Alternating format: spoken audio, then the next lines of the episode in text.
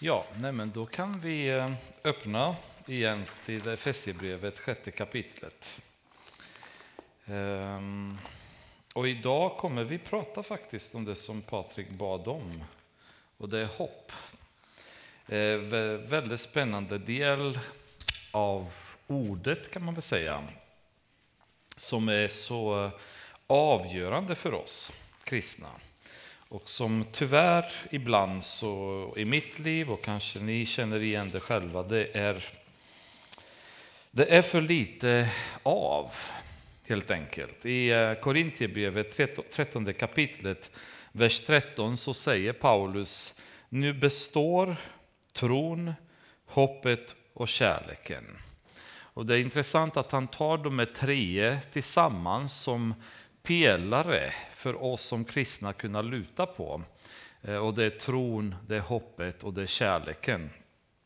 Eh, och i det fallet förstås så säger han, men utav alla, dessa tre allra största kärleken. Dock så är tron och hoppet väldigt viktiga i sig. Då. Ehm, vi kan börja läsa igen så att vi har sammanhanget.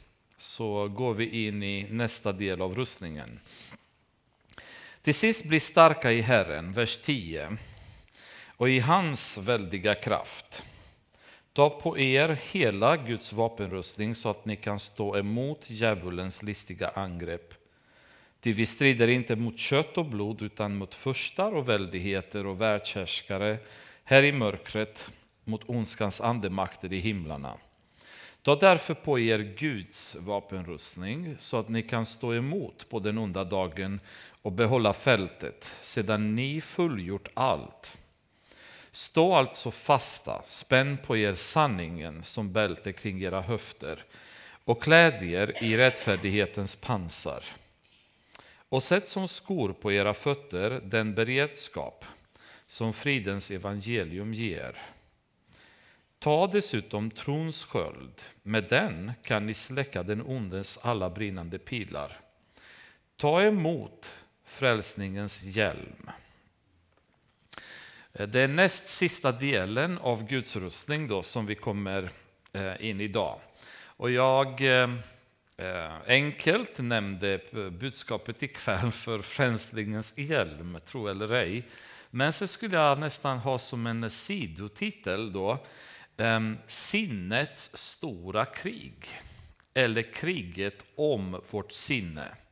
För det är där ni kommer se, vad, hur, se hur viktigt den här hjälmen är för att skydda just sinnet, vårt huvud då, i striden. Och man kan säga att i, i den strid som vi befinner oss i, som kristna, så är det inte meningen att vi ska vara på flykt. Eh, utan det är meningen att vi ska göra motstånd. Och det är ju...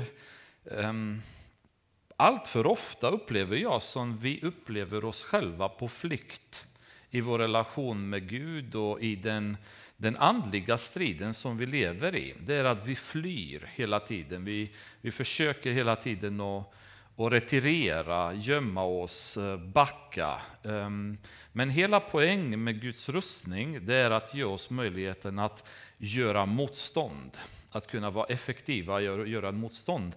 Och genom att göra motstånd, det betyder inte att vi är som en boxare, om ni har sett ibland hur de, de kommer in i hörnet då, och de håller händerna ungefär så här. Och den andra bara slår och slår och slår, och den ena bara står så här och skyddar sig. Eh, utan vårt sätt att göra motstånd är att själva utdela så hårda slag som vi bara kan. Varenda möjlighet vi har att slå hårt mot djävulen ska vi ta vara på och göra det. Så vi ska inte vända ryggen och fly. Vi ska inte gömma oss under hans attacker, utan vi går med trons sköld tills vi kommer tillräckligt nära där vi kan ut, eh, utge ordentliga slag som han får känna på ordentligt. Då. Eh, och I det här kriget så är intensiteten väldigt hård. Och slagen utdelas väldigt hårt och djävulen sparar inte på krafterna. För att få lite grann en bild av det så kan vi vända till andra Korintierbrevet, fjärde kapitlet. Det gör Paulus lite grann en beskrivning av vår situation i den här dagliga striden som vi befinner oss i. Och vi kan läsa från fjärde kapitlet, vers 8, och sen läser vi vers 9 också. Vi är på alla sätt trängda, men inte utan utväg. Rådvilla, men inte rådlösa. Förföljda, men inte övergivna.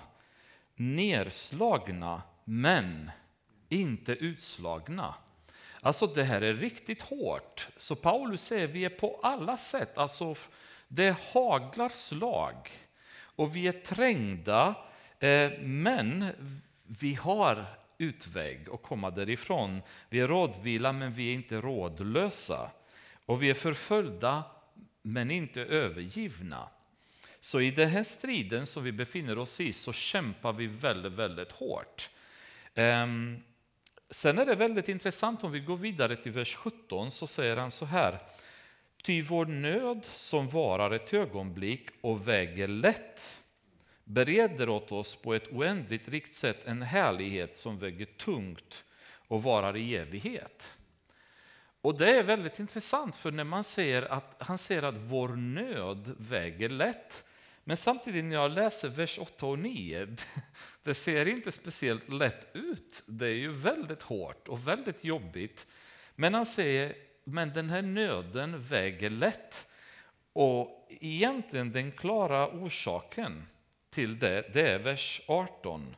Där han säger, vi riktar inte blicken mot det synliga, utan mot det osynliga. Det, det synliga är förgängligt, men det osynliga är evigt. Så anledningen till att Paulus i den här situationen, och vi har gått igenom vad han själv har gått igenom och vilka svårigheter han har mött. Och han säger att det här är ju egentligen lätt. Varför? Därför att min blick är aldrig fokuserad på omständigheterna, utan min blick är hela tiden fokuserad på det eviga. Och vad är allt detta jämfört med vad som komma skall? Ingenting. Med andra ord. Och då känner han bara, det här är ju väldigt enkelt. Det är lätt, jag kan ta den här striden. Jag behöver inte frukta det, jag behöver inte fly, jag behöver inte retirera.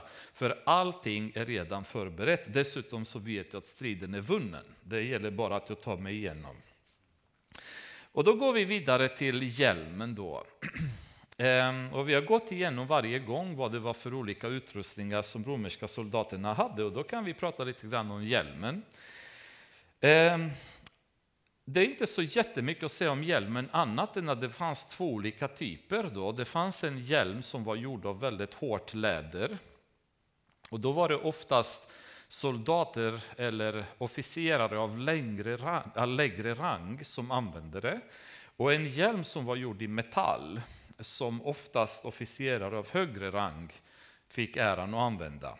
Och syftet med hjälmen det var ett enda, skydda huvudet. Helt enkelt, skydda huvudet hela tiden. Ehm, det fanns ju olika eh, anledningar till att eh, skydda huvudet, men det som de var allra mest stressade över eller rädda för, det var vad de kallade det stora breda svärdet. Så att oftast så användes två olika typer av svärd i strid. Den ena var ett ganska kort svärd som man använde till väldigt närstrid då och för snabba hugg.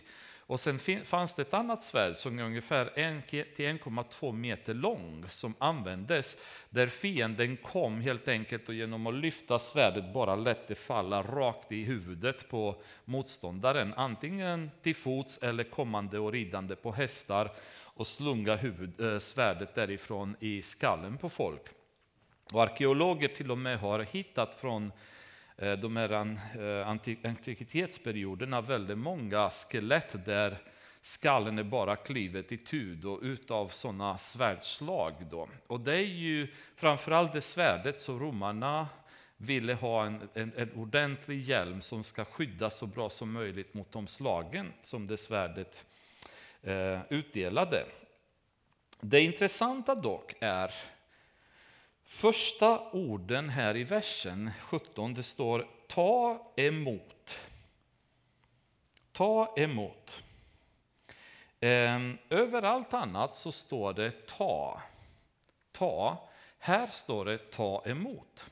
Jag tänkte det här kanske bara att eh, det är någon slags eh, felöversättning eller så, så när, men när man gräver och ser på grekiska så är exakt samma ord som används där, vilket är ett annat verb än det användes i övrigt i texten.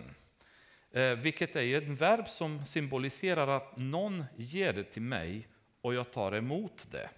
Inte bara att jag tar det på mig, utan jag tar emot det utav någon. Och I det här fallet så kommer vi se varför den här, det här verbet används. Därför att det egentligen den här är en gåva som vi får av Gud och vi måste ta emot det och sätta det på oss. Och ni kommer ihåg att hjälmen var en sån här del som vi sa att det användes, användes inte hela tiden utan det var oftast när man gick in i strid som man tog på hjälmen. Om ni har sett någon gång ett, eh, en amerikansk fotbollsmatch, det är en ganska tydlig beskrivning av hur det funkar. För de, de spelar och varenda gång de går på avbytarbänken de tar de av sig hjälmen. De behåller allt annat skydd de har på kroppen, hjälmen tar de av. Så fort de går in i striden igen, in på planen, på med hjälmen, tillbaka in i striden. Och det är precis så vi ska ha bilden av den här hjälmen, där vi tar på det på hjälmen då vid olika situationer. Och eh, eh, Eh, kan man säga att den här är som Guds gåva för oss. Och den gåva som vi akut behöver när vi går in i strid. För det är också så att eh, vårt fokus måste egentligen vara, eh, ni kommer ihåg från Paulus, andra Korintierbrevet, inte här på jorden, utan det är himlen hela tiden.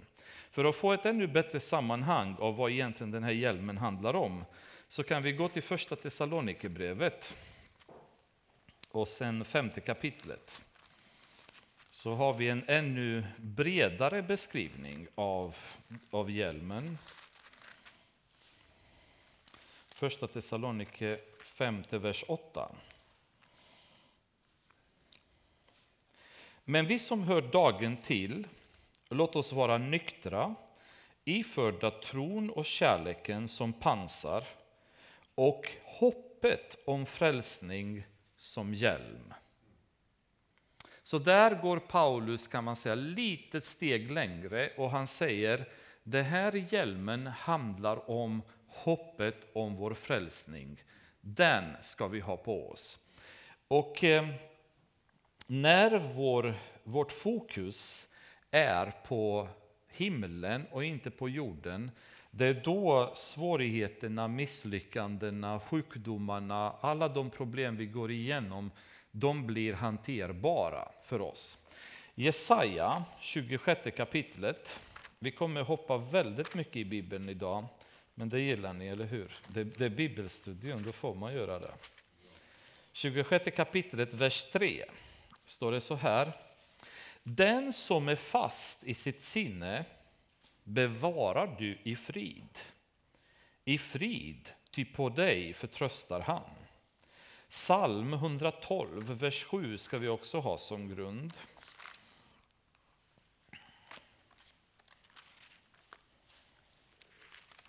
Psalmerna kan man i princip citera nästan oavsett vad man vill prata om, för det är så mycket i dem. Men eh, vers 7 säger så här. Han fruktar inte ett ont budskap. Hans hjärta är frimodigt, det förtröstar på Herren. Så när sinnet är skyddat och när jag förtröstar på Herren, då är problemen, de onda budskapen, inte ett problem för mig längre. Jag fruktar dem inte längre därför att jag är förankrad i Herren på ett, ett speciellt sätt. Och det är denna hoppet om frälsning som är viktig för oss. Och det som kommer hända, eller det som kommer eh, utspelas på strid, stridsfältet eller slagfältet, det är att djävulen permanent anfaller våra sinnen, vårt huvud, vårt förstånd. Och hela, hela hans arsenal av frestelser är oftast Eh, byggt så att det penetrerar våra sinnen främst. Allt ifrån reklam som vi möter på tv, längs med väggarna, eh, när vi kör en bil eller var vi än befinner oss, skyltfönster i butiker och så vidare. Tänk på hur mycket synd som redan där visas för oss. Som vår, vår hjärna och våra ögon hela tiden utsätts för. Då. Och vi, vi är tvungna att passera och se allt detta gång på gång på gång. Eh, genom musik till exempel, genom olika typer av program, genom böcker vi läser, genom skola till exempel och så vidare, så är vårt kinne hela tiden ansatt. Det viktiga också att tänka, och det måste vi ha som grund, det är att likväl en amerikansk fotbollsspelare är en, en romersk soldat, måste vi komma ihåg och ta på hjälmen innan vi ger oss ut i strid. Så hjälmen ska vi inte ha under armen när vi går ut i striden och när vi ser att, att svärdshuggen börjar bli så jobbiga, det är då vi drar på hjälmen, för då är vi oftast redan för sena.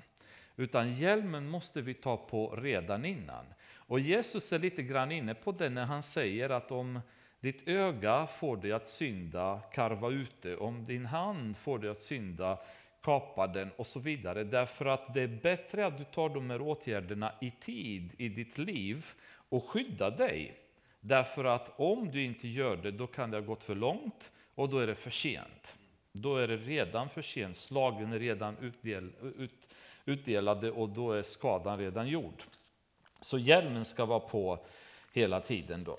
Men det framtida hopp som Paulus pratar om i Thessalonikerbrevet, det är det jag skulle vilja stanna lite och prata om. då.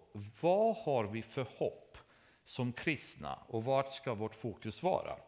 Och jag fick fram ungefär fem områden då om, som handlar om vår framtid som kristna som vi kan ha hopp i. Nu är det så att vi vi vet att vi är frälsta. Vi vet att vi har tagit emot Jesus. Vi vet att vi tillhör Guds armé. Vi är hans soldater. Vi är utrustade att vara med i hans krig. Och nu är det frågan om att klara oss igenom och vad finns det som väntar på oss sen? Vad har framtiden för oss att ge?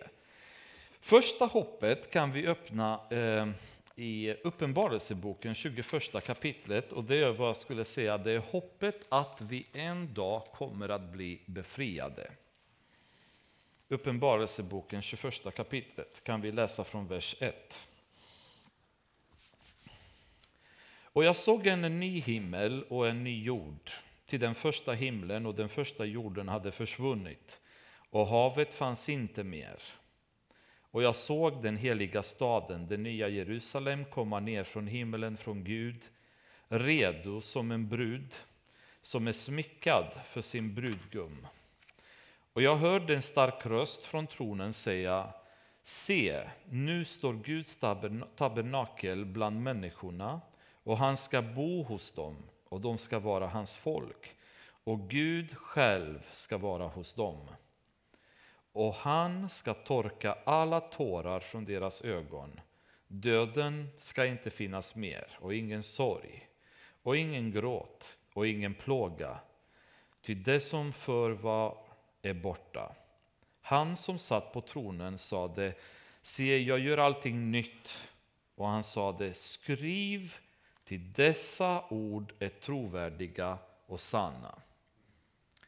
Och det är första hoppet som vi behöver fokusera på och det är att det kommer en dag när vi kommer att bli befriade.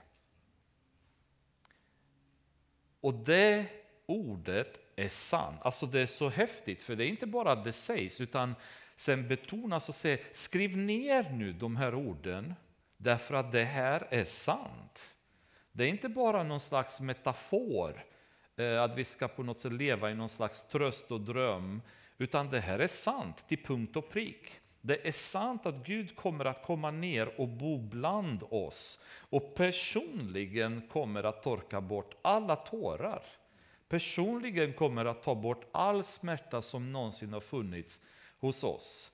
Och det är så pass starkt löfte så han som sitter på tronen säger skriv ner det här. Skriv ner. Det är så viktigt att folk vet om detta. Skriv ner det.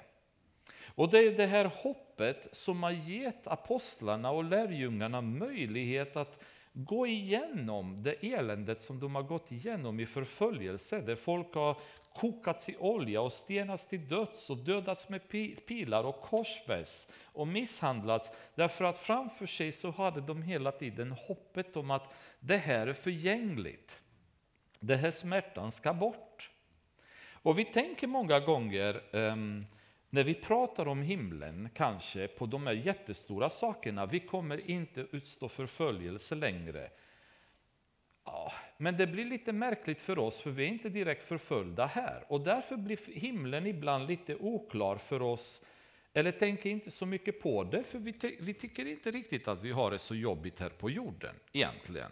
I Sverige framförallt så lever vi ganska gott. Vi har mat på bordet, vi har hus över huvudet, tak över huvudet, vi har värme i huset, vi har bilar, vi har fina semestrar, ehm, vi har jobb där vi behandlas som människor och inte som slavar och så vidare. Så egentligen himmelslängtan för oss är ju lite diffus därför att vi har det så bra där vi har det. Men har vi verkligen det?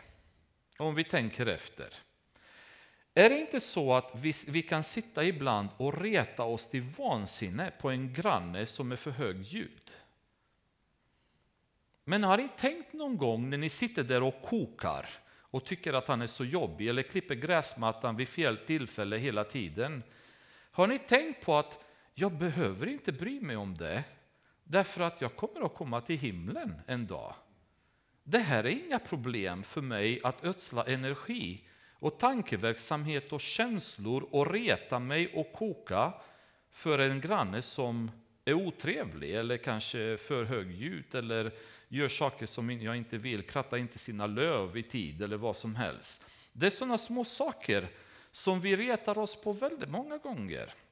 Någon har sagt till mig någonting någon gång och jag går och grämer mig över detta dag efter dag, vecka efter vecka, månad efter månad, år efter år.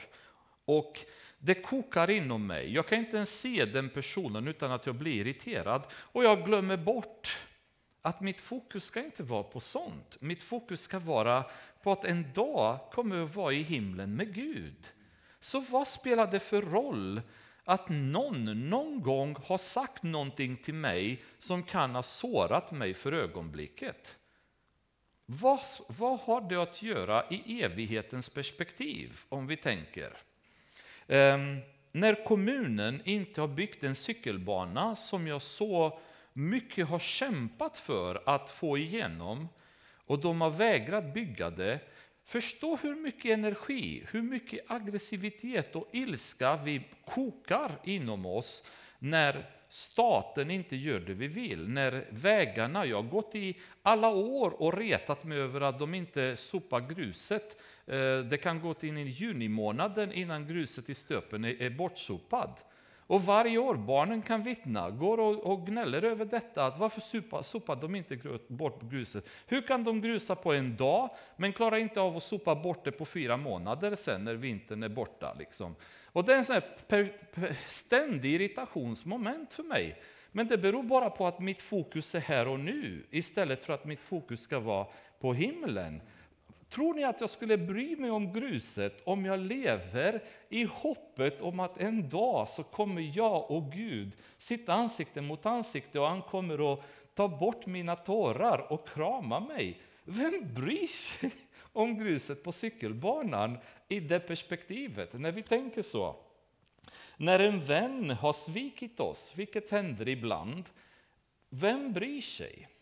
Nu är det till och med ett litet orosmoment i stöpen att det kanske kommer byggas några nya hyreshus in till eh, idrottshallen.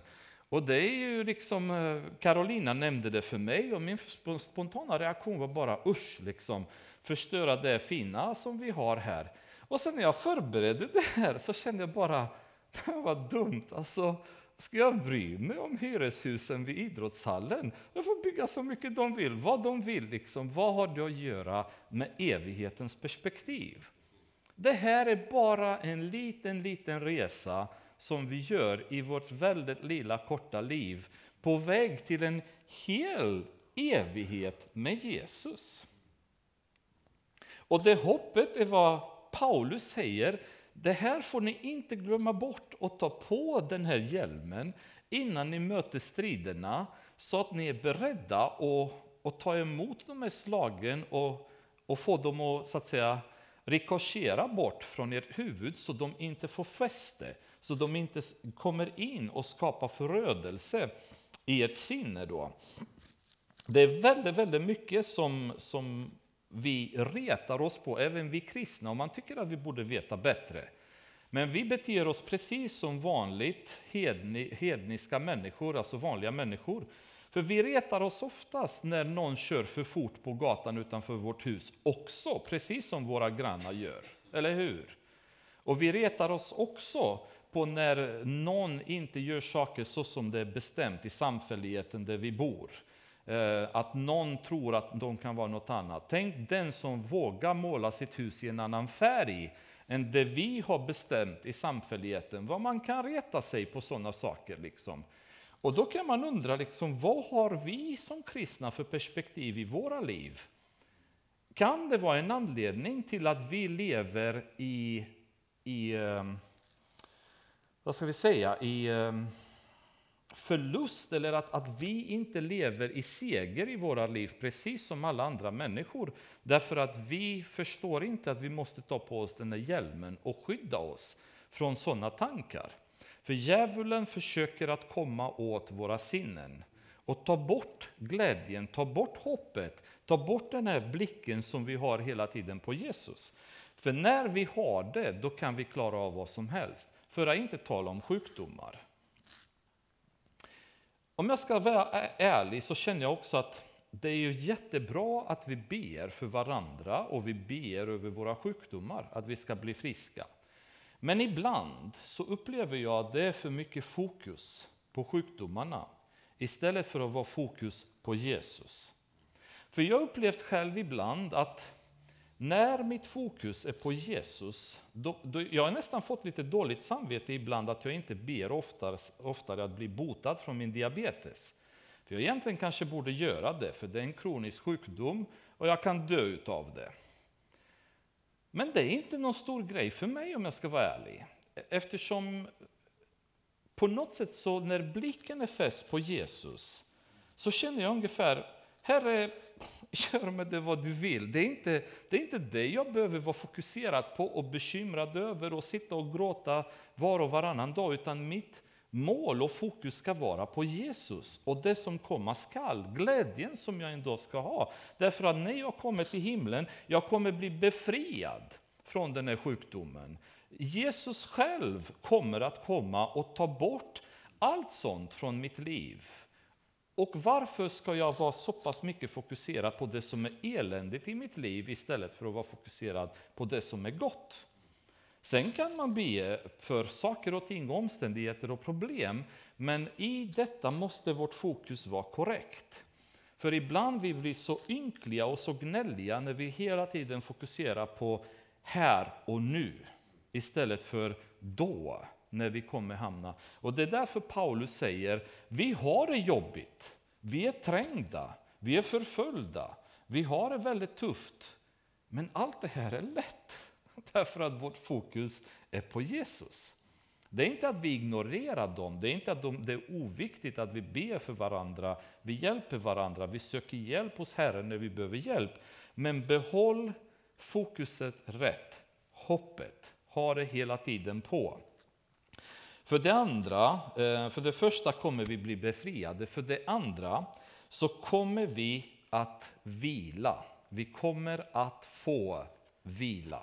Uppenbarelseboken 14 kapitlet kan vi gå tillbaka till. Vers 13.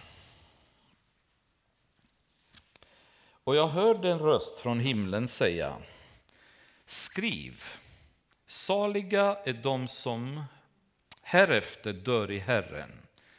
Jag säger anden, de ska vila sig. Från sitt arbete till deras gärningar följer de.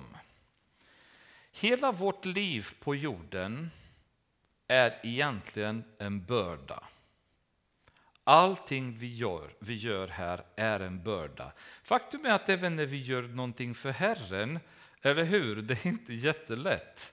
Vi vill känna Herren, vi vill göra saker för honom. Men även då så är det ibland tungt, ibland är det jobbigt. Och intressant nog, det, det mesta som vi verkar ha problem med idag också är stress och ehm, ja, gå in i väggen, uttrötthet och så vidare, de nya definitionerna som vårt samhälle använder nu. Då. Folk är hela tiden trötta, stressade, deppiga, orkeslösa. Jag kan inte, jag klarar inte längre, jag behöver hjälp och så vidare. Ehm, och det beror på att vi lever i en tuff värld som är hela tiden under djävulens attack. Och vårt sinne dessutom är under ständigt bombardemang. Så vi vilar inte sinnet så ofta, utan den blir utsatt för väldigt mycket intryck. Man säger att en tolvåring idag är utsatt för lika mycket intryck som en person var utsatt för under hela deras liv, livstid förr i tiden. Då. Så det är en otroligt bombardemang av intryck som vi går igenom och det här tröttar ut oss. Och vi blir orkeslösa och folk går in i väggen och de tappar modet. Men Uppenbarelseboken säger, kom ihåg när, när det är tröttsamt, när ni känner att knäna viker sig, fortsätt att kämpa för det är bara lite till. För sen kommer ni få en evighet av vila. Det kommer att bli vila för dem som det står här, som dör i Herren. Det är inte ett löfte för alla människor, Gud älskar alla människor. Nej, det här är ett löfte för dem som är i Herren, som tillhör Herren, som är Herrens barn. Inte någon annan. Det är inte en världsomspännande löfte, utan det här är för oss som är kristna, som följer Jesus. Nummer tre, så kommer vi att bli belönade. Och det gillar vi, eller hur? Så fort vi hör belöning, det är bara yes, nu, nu börjar det bli roligt. Nu jobbar inte jag gratis längre, nu kommer jag få något för det hela. då.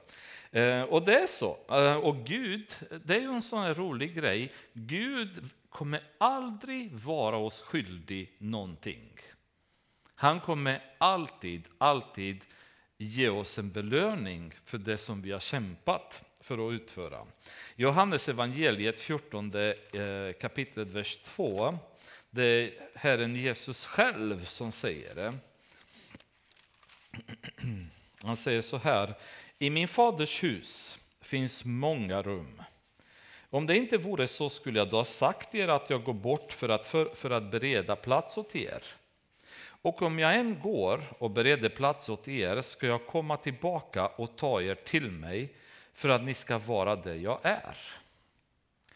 Och Det här är en sån här vers som jag många gånger har fantiserat kring. När Jesus säger i min faders hus finns det många rum. Och jag bara känner, hur ser Guds hus ut? Bara en sån grej. Ser det ut som våra hus? Hur ser de där rummen ut? För tittar man på Guds eh, skapelsekapacitet, alltså vad han har gjort när han har skapat jorden, vilka häftiga naturbilder eh, han har skapat.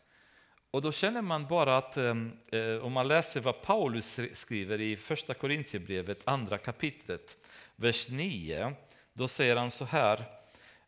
Men vi känner som skriften säger, vad ögat inte har sett, och örat inte hört och människohjärtat inte kunnat ana vad Gud har berett åt dem som älskar honom.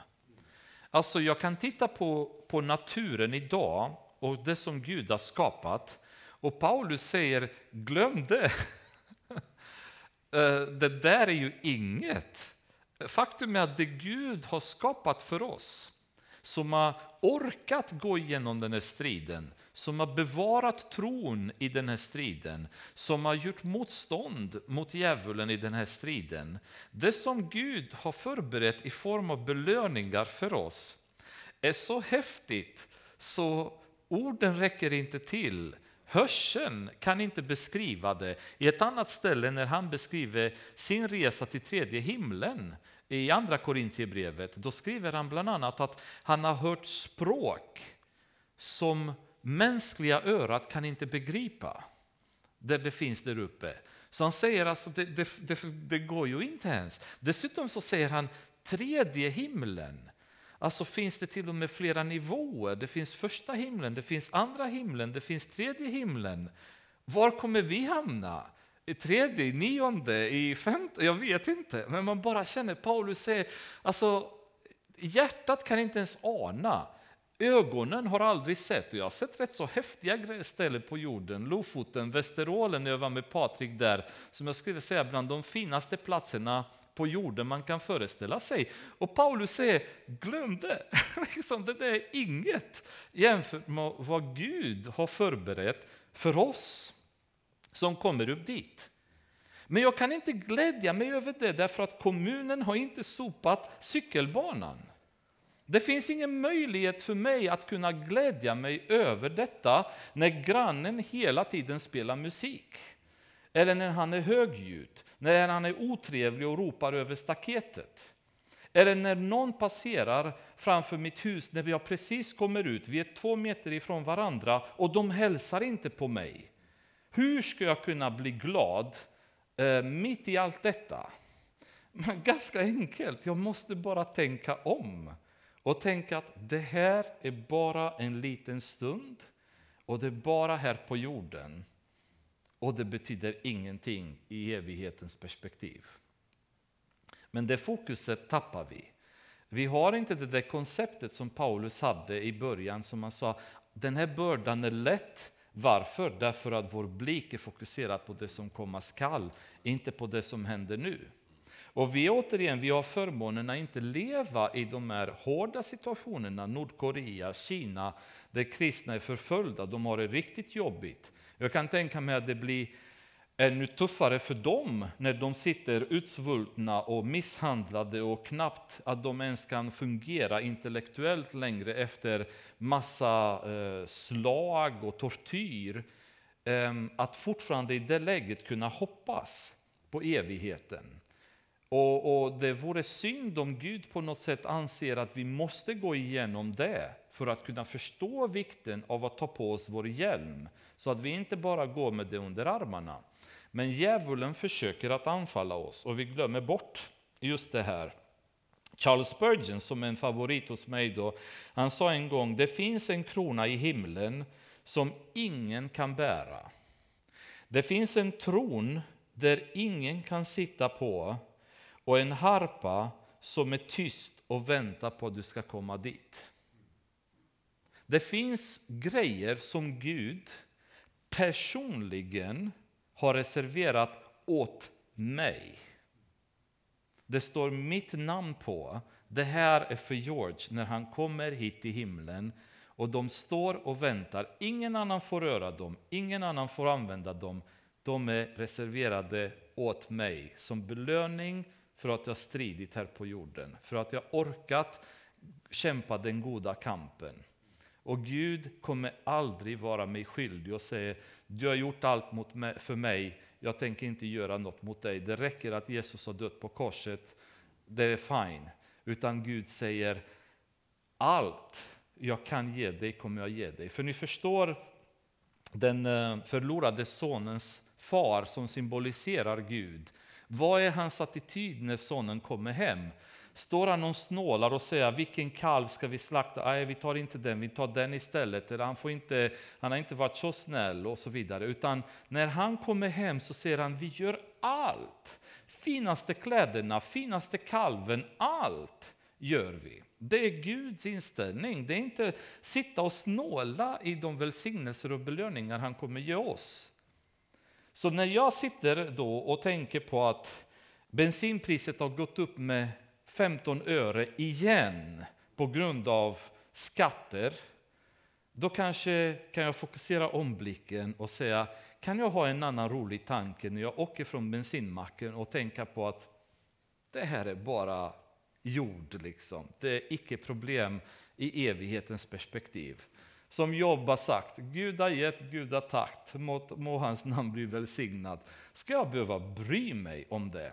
Och det är den tanken som vi behöver ha oftare då. Nummer fyra så kommer vi ha nya himmelska kroppar. I första Korintierbrevet, 15 kapitlet, står det så här i vers 42. Hmm. 15.42. Så är det också med de dödas uppståndelse. Det som sås förgängligt uppstår oförgängligt. Det som sås i vanära uppstår i härlighet. Det som sås i svaghet uppstår i kraft. Det, så, det sås en jordisk kropp, det uppstår en andlig kropp. Om det finns en jordisk kropp finns det också en andlig kropp. Vers 47 kan vi gå vidare. Det står den första människan var av jord, jordisk. Den andra människan kom från himmelen. Som den jordiska människan var, så är också de jordiska. Och som den himmelska människan är, så är också de himmelska. Och liksom vi har burit den jordiska människans bild, skall vi också bära den himmelska människans bild. Med andra ord, allting kommer Gud göra nytt med oss i våra kroppar. Och det här är rätt så, rätt så bra att veta, för ibland så glömmer man bort när man går i smärta, när man har ont överallt i kroppen, så blir man så fruktansvärt deppig och det är jobbigt att ha det jobbigt.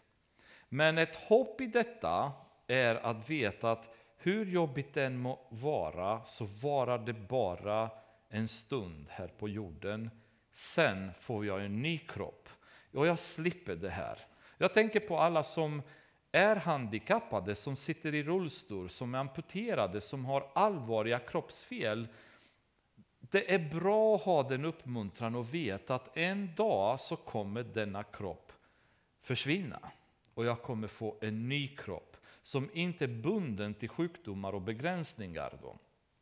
De som kanske till exempel har vantrivs med sin kropp, kanske människor som har mått dåligt över hela deras liv, över deras utseende, eller missbildningar eller vad som helst. Jag tror att det finns ett hopp i att veta att den, den här kroppen varar inte för evigt.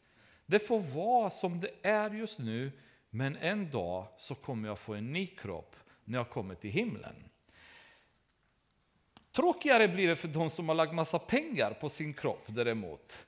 Och, och, och sprutat saker i kroppen och ändrat och opererat näsor och öron och transplanterat hår och plast i rumpan och allt möjligt. Det kanske blir lite tråkigt att den här investeringen kommer ruttna bort då. Jag kan tänka mig att många av de här kanske skulle vilja ta med de här kropparna till himlen om de kunde, men de får inte det tyvärr. Men förhoppningsvis så blir det ändå en fin kropp de kommer få där. Jag vet inte. Ehm, men i alla fall så, så vet vi att vi kommer få en ny kropp när vi kommer dit. Och i slutändan på, på de här fem hoppen då, som jag ville gå igenom, så kommer vi att förhärligas tillsammans med Jesus. Och det här är liksom det absolut häftigaste, det vi lyfts upp tillsammans med Jesus till den nivån så att säga, som han är som Kristi brud som kommer in i himlen. Och Romarbrevet 8 kapitlet, vers 17 säger bland annat Men är vi barn är vi också arvingar. Guds arvingar och Kristi medarvingar. Lika visst som vi lider med honom för att också bli förhärligade med honom. Vi lider med honom och på samma sätt som han har blivit förhärligad när han kom, kommit till himlen, då kommer vi också bli förhärligade med honom. Och då är det ju ganska häftigt att veta att återigen, Gud kommer ta oss och lyfta oss. Den som har legat nere kommer Gud ta upp och förhärliga när vi kommer dit. Ehm, och det är ju det hoppet kan man säga som vi som kristna ska ha hela tiden med oss då, i vår relation med Gud. Men det är ju det hoppet som Satan vill också komma åt. Eftersom han vet att kan han få bort det hoppet ur våra liv, då kan han låta svärdet komma ner och klyva huvudet på oss ganska lätt då, om hjälmen är borta. Någon sa en gång att Satan var ute och aktionerade alla sina vapen, då, aktionerade ut dem. Och eh, folk trängdes där för att handla. Men det var ett vapen som man hade lagt undan där det stod ej för aktion.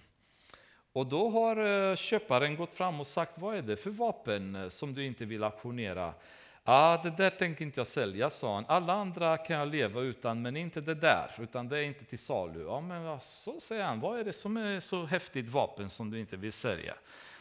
Jo, det där vapnet, sa han, det är modfälldhet och tvivel. Jag kan leva utan alla andra vapen, men det vapnet måste jag bara ha. Därför att det effektivaste svärdet som djävulen använder för att krossa skallen på kristna i strid. Modfälldhet och tvivel. Och ni kommer se hur förgrenat det här fungerar i våra liv och i så många sammanhang är roten till väldigt många problem som vi har i våra liv och fall som vi har upplevt i vår relation med Gud. Återigen, ha i åtanke, hjälmen ska vara på innan striden. För nu börjar striden. Nu kommer han vifta med, med svärdet. Och en situation eh, då modfälldhet och, och tvivel kommer, det är när vi som kristna har upplevt en stor framgång. Vad, alltså när ni ser en stor framgång i era liv eller i vår församling, ta på frälsningens hjälm snabbt. För direkt efter, då kommer det där svärdet svingas riktigt hårt. Exemplet om ni kommer ihåg, bland annat så har vi Elia i, kunga, i första kungaboken 18 och 19 kapitlet. När han möter Baals profeter. Och det är liksom den absoluta höjdpunkten i hans liv när han ber, det kommer eld från himlen, offret bränns, vattnet bränns, hela altaret bränns. Och då har han folket med sig, de slaktar 400 av Baals profeterna. Alltså det är seger så det skriker om det. Men vad händer direkt efter? Då får han höra att Jezebel har bestämt sig att döda honom och han blir livrädd och sticker. Direkt efter. Så han hann inte ens eh, njuta av den här segern så länge innan. Från att vara uppe på toppen så hamnar han direkt i botten och flyr full av rädsla. Så fort vi upplever framgång så, så ska vi vara beredda på att det kommer att komma hårda attacker. Och det är därför jag har en viss vad ska man säga, önskan och eh, lite, eh, vad ska man säga, närvaro, känsla över det som försiggår i vår församling just nu. Därför att det finns en, många i församlingen tycker att det känns som att det är något på gång. Det känns som att det händer någonting. Eh, det finns människor som har kvicknat till som kanske var lite slöa tidigare inklusive jag till exempel. Det finns ju saker som händer, upplevelser folk har haft, beslut som har tagits i liv hos församlingsmedlemmar för att kunna tjäna Gud. Bönemötena har börjat bli lite mer folk som kommer och så vidare. Allt det här är positivt. Men detta också säger mig att inom kort så kommer också hända attacker. Eh, antingen till eh, individnivå, till några av oss som kommer bli attackerade, eller som församling. Därför att så fort vi börjar uppleva framgång, då börjar djävulen svinga det där svärdet för att kunna möjligen klyva huvudet på någon eller på församlingen. Attackerna när det gäller församling, de riktas allt som oftast mot församlingens huvud. Och det är oftast pastor, äldstekår och så vidare. Så där bör vi vara extra noga med att vara på vakt. Så att ingen av oss eh, medverkar eller hamnar i ett läge där vi skapar problem Eftersom det kommer finnas anledningar. Jag plötsligt inte tycker om någon eller jag tycker någon är konstig eller har konstig undervisning. Jag gillar inte vad Patrik säger eller jag tycker inte vad broder X har sagt eller gjort. Var noga med att det här kan mycket väl vara en sån attack. Då. Och likaså i våra egna liv, när vi tar ett beslut att göra något för Jesus och vi börjar göra det och vi växer i det och vi upplever framgång, vi börjar vittna, folk blir frälsta plötsligt då ska vi vara beredda att attackerna kommer att komma. Eh, nummer två, kan man säga, en annan situation när det kommer, det är också kopplat till framgång. Men det här är när vi har haft en period av konstant framgång. Alltså när vi har börjat ha en riktigt bra relation med Gud helt enkelt när vi börjar, vi får ordning på vår böneliv, vi får ordning på bibelläsandet, vi får ordning på vårt liv, vi börjar trimma vårt beteende, vi börjar vittna kanske för grannar, för människor i övrigt, vi börjar se resultat och vi känner bara, det här går riktigt, riktigt bra. Och plötsligt vid ett sådant tillfälle så anser vi oss att nu är vi så pass stabila och mogna att en synd be, behöver inte spela så mycket roll. Det, behöver inte, det, det kan inte påverka mig så mycket om jag tillåter mig en viss avvikelse från den raka linjen som jag ska navigera på som kristen. För jag har en väldigt stabil och bra relation med Gud. Exemplet av detta det är ju David. Om vi läser från att han proklamerades av Samuel att vara kung i Israel så hade han en period av ungefär 17 år då Saul permanent förföljde honom. Under den här perioden levde han i ständigt beroende av Gud. Han grät, han skrek till Gud, han ropade för hjälp och levde väldigt nära Gud och fick väldigt mirakulöst hjälp från Gud att klara sig. Han blir kung och fortsätter att regera på ett fantastiskt sätt eh, och lever nära Gud och så vidare. Men en dag så står han på sin palats och ser en vacker kvinna som tillhörde en annan man. Och plötsligt så känner han bara att jag gillar henne.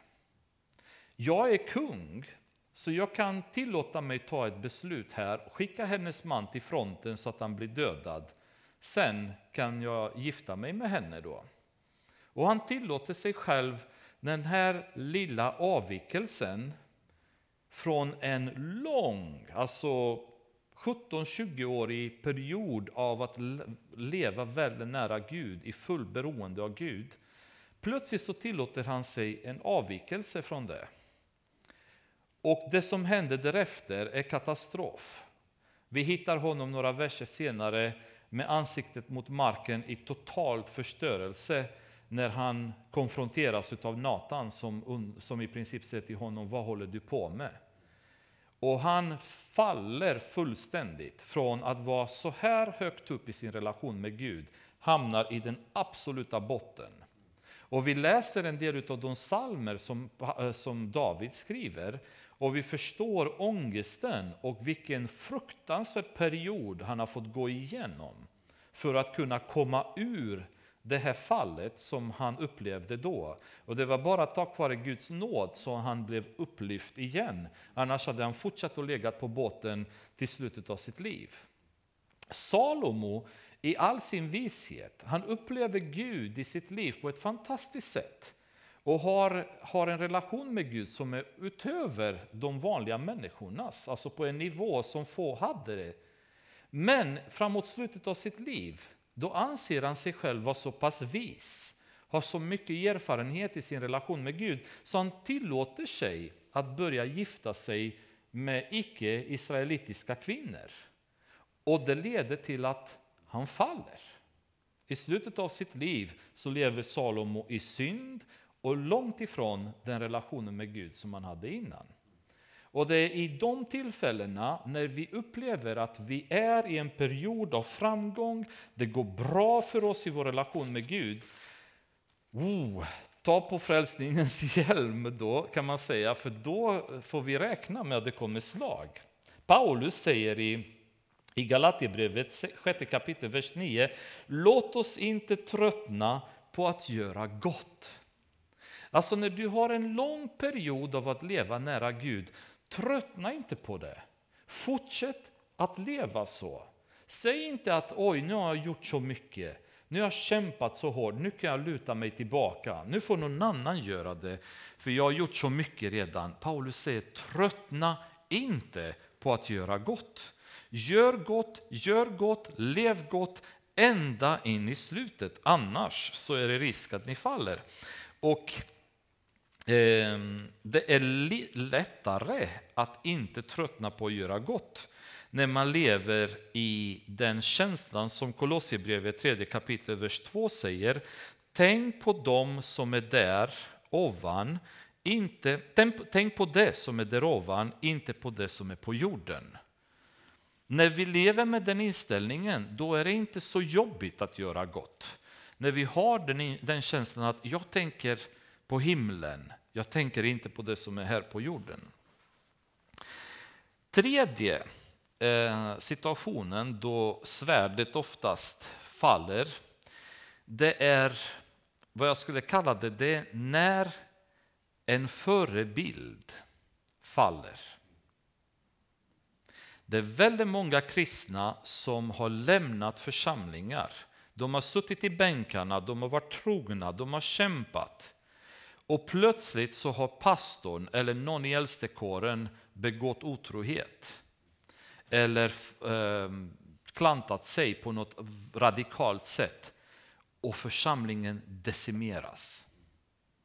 På grund av att den personen som de har haft sina ögon på, de har respekterat, de har värderat, de har satt sitt, sin tro på att de är vettiga människor, de har själva fallit. Och med dem väldigt många från församlingen har fallit. Och det har hänt gång på gång på gång genom historien. Jag vet i USA var det en stor skandal för ett antal år sedan när en pastor som var väldigt känd skrivit massa böcker, bland annat om relationer eh, och äktenskapsrådgivning och så vidare, själv fallit i otrohet. Ehm, Emellertid så skulle jag säga så har han haft en fantastisk ångerfull attityd och eh, han togs tillbaka sen till församlingen och har fortsatt att medverka och är en underbar broder som känner Herren idag. Hans fru är fortfarande kvar i relationen med honom och inte lämnat honom. Men det har varit en fruktansvärd tid när nästan en hel rörelse som han, del, han var en del av hamnade i gungning på grund av den synden som han begick. Och djävulen är fullt medveten om detta så han kommer slå hårt mot de människorna som är eh, viktiga, som har en stark, som vi säger, influencers, som vi säger idag, som har en stor påverkan i den kristna rörelsen. Han kommer slå hårt mot dem, därför att han vet att om de faller så kommer alla de människorna som har sett upp till dem potentiellt falla själva. Så i de tillfällena så ska vi känna som kristna, på med frälsningens hjälm. För Guds beslut kring mitt liv handlar om mig personligen. Jag är personligt ansvarig för hur jag lever mitt liv. Jag kan inte motivera till Gud att Gud, jag har syndat därför att han har syndat, hon har syndat. De som jag sett upp till, titta vad de har gjort. Vad ska jag göra? Relationen med Gud är personlig. Så när jag ser att en förebild faller, då ska jag på med frälsningens hjälm snabbt. För det jag känner idag, om jag ska säga ärligt, så jag satt i Carolina flera gånger själv. När jag ser kristna familjer gång på gång på gång hamna i skilsmässor, så säger jag hela tiden till henne, vi får akta oss så det inte händer hos oss också. På med frälsningens hjälm omgående.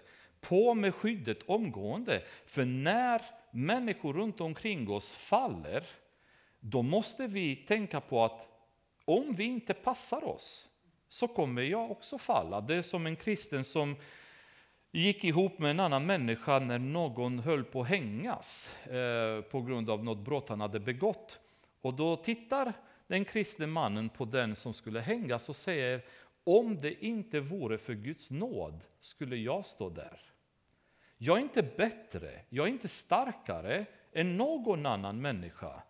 Men om jag tar emot det som Herren ger mig och iklär mig det, då slipper jag stå där. Utan det så kommer jag också stå där. Utan det så händer det mig också. Jag är inte bättre, jag är inte mer andlig än någon annan. Faktum är att mer andliga människor än mig har hamnat i skilsmässor. Jag vill inte hamna där, då måste jag iklä mig rustningen och på mig hjälmen när de här hårda slagen står och bara ta emot dem så att jag kan fortsätta vidare. Det är väldigt, väldigt farligt när ens förebild, hjälte, faller. För då faller så många ihop med dem. Så vi måste vara på hugget där och återigen, direkt på med hjälmen. Hebreerbrevet skulle jag vilja bara läsa lite kort. Jag tycker det är fantastiskt bra som Paulus säger i tionde kapitlet där. Eh, vers 35 säger han så här. Kasta därför inte bort er frimodighet som ger stor lön. Ni behöver uthållighet för att göra Guds vilja och få vad han har lovat. Och vers 39 säger han så här, men vi hör inte till dem som drar sig undan och går förlorade.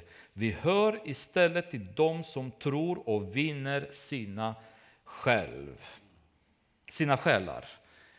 Alltså som man säger att vi, folk kanske drar, folk kanske faller, men vi hör inte till dem. Se till och var uthålliga och backa inte när attackerna kommer. Då.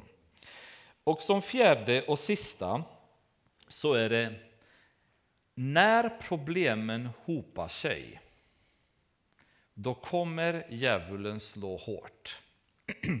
Och det är den klassiska. När man börjar få vissa problem i livet, då ska man räkna med att det kommer att uppstå ännu fler problem. När du har blivit sjuk, räkna med att det finns en fara att du kanske blir arbetslös också. Räkna med att någon i din familj kommer bete sig väldigt svinaktigt. Räkna med att det kanske blir skilsmässa. Räkna med att kanske någon av barnen kommer göra uppror. Räkna med att eh, du kommer få alla möjliga typer av problem. Därför att när djävulen får möjlighet att slå, då använder han allt arsenal som Gud tillåter honom att använda. Och han sparar inte på något. Så anledningen till att vi ibland inte är ännu hårdare slagna beror på att Gud tillåter aldrig en frestelse att komma om han inte har förberett vägen ut.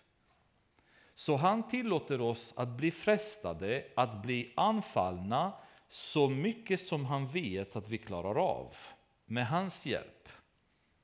Men skulle han dra sig tillbaka, då skulle djävulen slå med allt han skulle kunna. Och vi har exemplet med Jobb, när djävulen kom och först tog han Jobs familj, barn, ehm, eh, barnen och eh, alla egendomar som han hade. Eh, men han fick inte röra honom. Och sen kommer han till Gud och säger, nej men vänta lite, han har ju för lätt, eh, om man nu kan säga lätt i det läget då, när allt som var honom kär hade försvunnit på en dag. Och då säger han till Gud att eh, jag vill ju ta tag i honom också och kunna ruska till honom. Och då säger Gud till honom, du får göra det men du får inte ta hans liv. Hade inte Gud sagt det så hade djävulen dödat honom. Men Gud sa, du får gå så långt men inte ta hans liv. Och då kommer djävulen plåga honom med sjukdomar och bölder på den nivån där han satt på en soptipp. Och ovanpå det så plågar han honom med tjatiga vänner och med en tjatig fru som aldrig lät honom vara i fred, liksom permanent bombarderar hans sinne för att bryta ner honom. Och han gör allt han möjligen kan för att bryta ner jobb. Och han lyckas inte med det, tack och lov. Men det, det, det visar oss på vilket sätt han jobbar. Och ett exempel är också David. När han hade blivit kung så eh, var han borta ett tag med, med sin armé. Och när de kommer tillbaks så visade det sig att i, i Siklag, där de hade sina fruar och barn och släktingar, så har under tiden de var borta amalekiterna anfallit Siklag och rövat bort alla deras familjer. Alltså det var bränt, plundrat och alla deras släktingar var bortrövade. Ingen var dödad, men alla var bortrövade. Och det blir en sorg, alltså de sätter sig, de här stora tappra stridsmännen och bara i princip sätter sig ner och gråter. De är helt nedbrutna när de ser att allt som de kär är borta. Så det hopar sig problemen och slår hårt då på dem. Men då har vi en sån fantastiskt exempel för i första Samuel 30 kapitel vers 6 det står det så här men David hämtade styrka hos Herren. De var på väg att stena honom till döds förresten, de som tillhörde hans armé. De var så, så arga på det som hade hänt. Men mitt i detta så hämtar David styrkan hos Herren. Och det är det vi ska göra. Det är det frälsningens hjälm handlar om. Som i de här situationerna när vi möter de här tillfällena när djävulen kommer försöka att trycka ner oss och få oss deppiga och få oss rädda och få oss modfällda och få oss att tvivla. Det är då vi ska ta på frälsningens hjälm. När ni ber och ni ser inget resultat. När ni läser Guds ord och ni förstår ingenting. Och ni känner bara att ni är modfällda, ni, ni börjar tvivla på Kommer det ens funka? Kommer mina böner besvaras någon gång? För jag tycker att jag bara ber och ber och ber och det händer ingenting. Ska jag ens fortsätta? Vid de tillfällena ser Paulus på med frälsningens hjälm och bara borra huvudet och gå vidare. Ta emot liksom slagen så gott ni bara kan och sen gör motstånd. Därför att det kommer bryta igenom. Förr eller senare så kommer ni bryta igenom. Kommer ni göra motstånd och som Jakob säger, och djävulen kommer till slut att fly från er när ni har gjort motstånd. Men det kommer den här tviveln. Och det är ju det som tror jag många gånger um, man kommer till kyrkan söndag efter söndag. Jag kommer, jag försöker ändå se en, en förändring. Kanske jag blir uppleva väckelse i mitt liv. Nej, inget. Jag, jag, går, jag har inte blivit väckt, jag går hem på samma sätt. Nej, då kommer inte jag till kyrkan, för det var inte roligt. Jag, det hände ändå ingenting. Och bön ger inget resultat. Och Bibeln, jag tycker inte att jag fattar någonting av det jag läser heller. Mycket märkligt. Då är det bättre att jag gör något annat. Och då har man fått det här svärdet rakt i skallen så man blir rakt igenom klyven och kanske aldrig någonsin kommer på benen igen. Istället säger Paulus, blir det jobbigt, blir det tufft, sätt på frälsningens hjälm, fokusera blicken på himlen och bara få den här supertunnelseende och säga bara jag bryr mig inte om vad som händer till höger, till vänster, jag tittar bara framåt och jag bara går. Och jag bara går och jag bara går, för det som står i Guds ord är sant. Och, och återigen, den som sitter på tronen säger skriv ner detta för det är sant. Det är sant. Du känner inte det, du tror inte på det tillfälligt, men fäst blicken, titta framåt, borra ner huvudet i hjälmen och lita på att det är sant. Inte på vad någon annan har sagt, inte på vad din hjälte har gjort som har fallit, inte på vad andra runt omkring kristna verkar tro. Du får bara fokusera blicken själv på det. För du kommer stå till svars själv inför Gud. Och du kan inte säga att Gud, jag levde i en period där världen var så konstig, folk hade tappat kärleken och var var tro någonstans? Du vet, Jesus förresten, jag levde precis i den perioden som du beskrev. När jag kommer tillbaka kommer jag hitta tro. Och vad ska jag göra? Hur ska jag hitta tro, Herre, när församlingarna var döda, när människorna var materialistiska? Hur skulle jag gjort det? Jo, på det sättet, genom att fästa blicken framåt. Till hoppet som kommer. Då kommer styrkan, då orkar man kämpa striden. Um, väldigt spännande del av rustningen och jag hoppas verkligen att, um, att vi använder det helt enkelt. För det är ju fantastiskt att leva i det här hoppet och känna att vi behöver inte vara rädda, vi behöver inte vara eh, tvivlande, modlösa och så vidare, utan vi, vi kan stå starka eh, i vår relation med Gud. Herre Jesus, vi tackar dig återigen för en av dina löften, Herre. Ett av dina löften om himlen. Jesus, jag tackar dig för eh, att veta att du inte är bara lilla barnet i krubban, utan nu sitter du på tronen, Herre Jesus. Du har förberett platsen åt oss och du väntar på att vi ska komma hem och leva en evighet med dig, Herre. Du förberedde en ny himmel, en ny jord, Herre. Vi kommer vara del, en del av detta, Herre. Det är så magnifikt att tänka på det liv som vi kommer ha med dig. Jag ber Jesus att du fyller vårt sinne så mycket som möjligt med himlen, Herre. Jag ber att vi inte ska behöva genomgå hårda förföljelser och stora eländen för att vi ska kunna få de här evighetstankarna i våra liv, utan att vi kan dagligen sätta oss på sängkanten innan vi börjar dagen och, och få hoppets tankar i våra sinnen så att vi kan navigera genom dagen på det viset med dig. Jag ber för alla som har kommit hit ikväll, Herre, en speciell välsignelse för de som har offrat tid från hemmet och annat, Herre, för att komma hit. Jag ber att du ska bara fylla deras liv, låta det växa, Herre, i dem, den här tanken av evighet, tanken av hopp. Hjälp oss, Herre, att kunna skydda oss med den här hjälmen när djävulen slår hårt med sitt svärd. Hjälp oss att, att kunna undvika de slagen, Herre, och inte bli skadade, så att vi kan stå fast, Herre. Amen.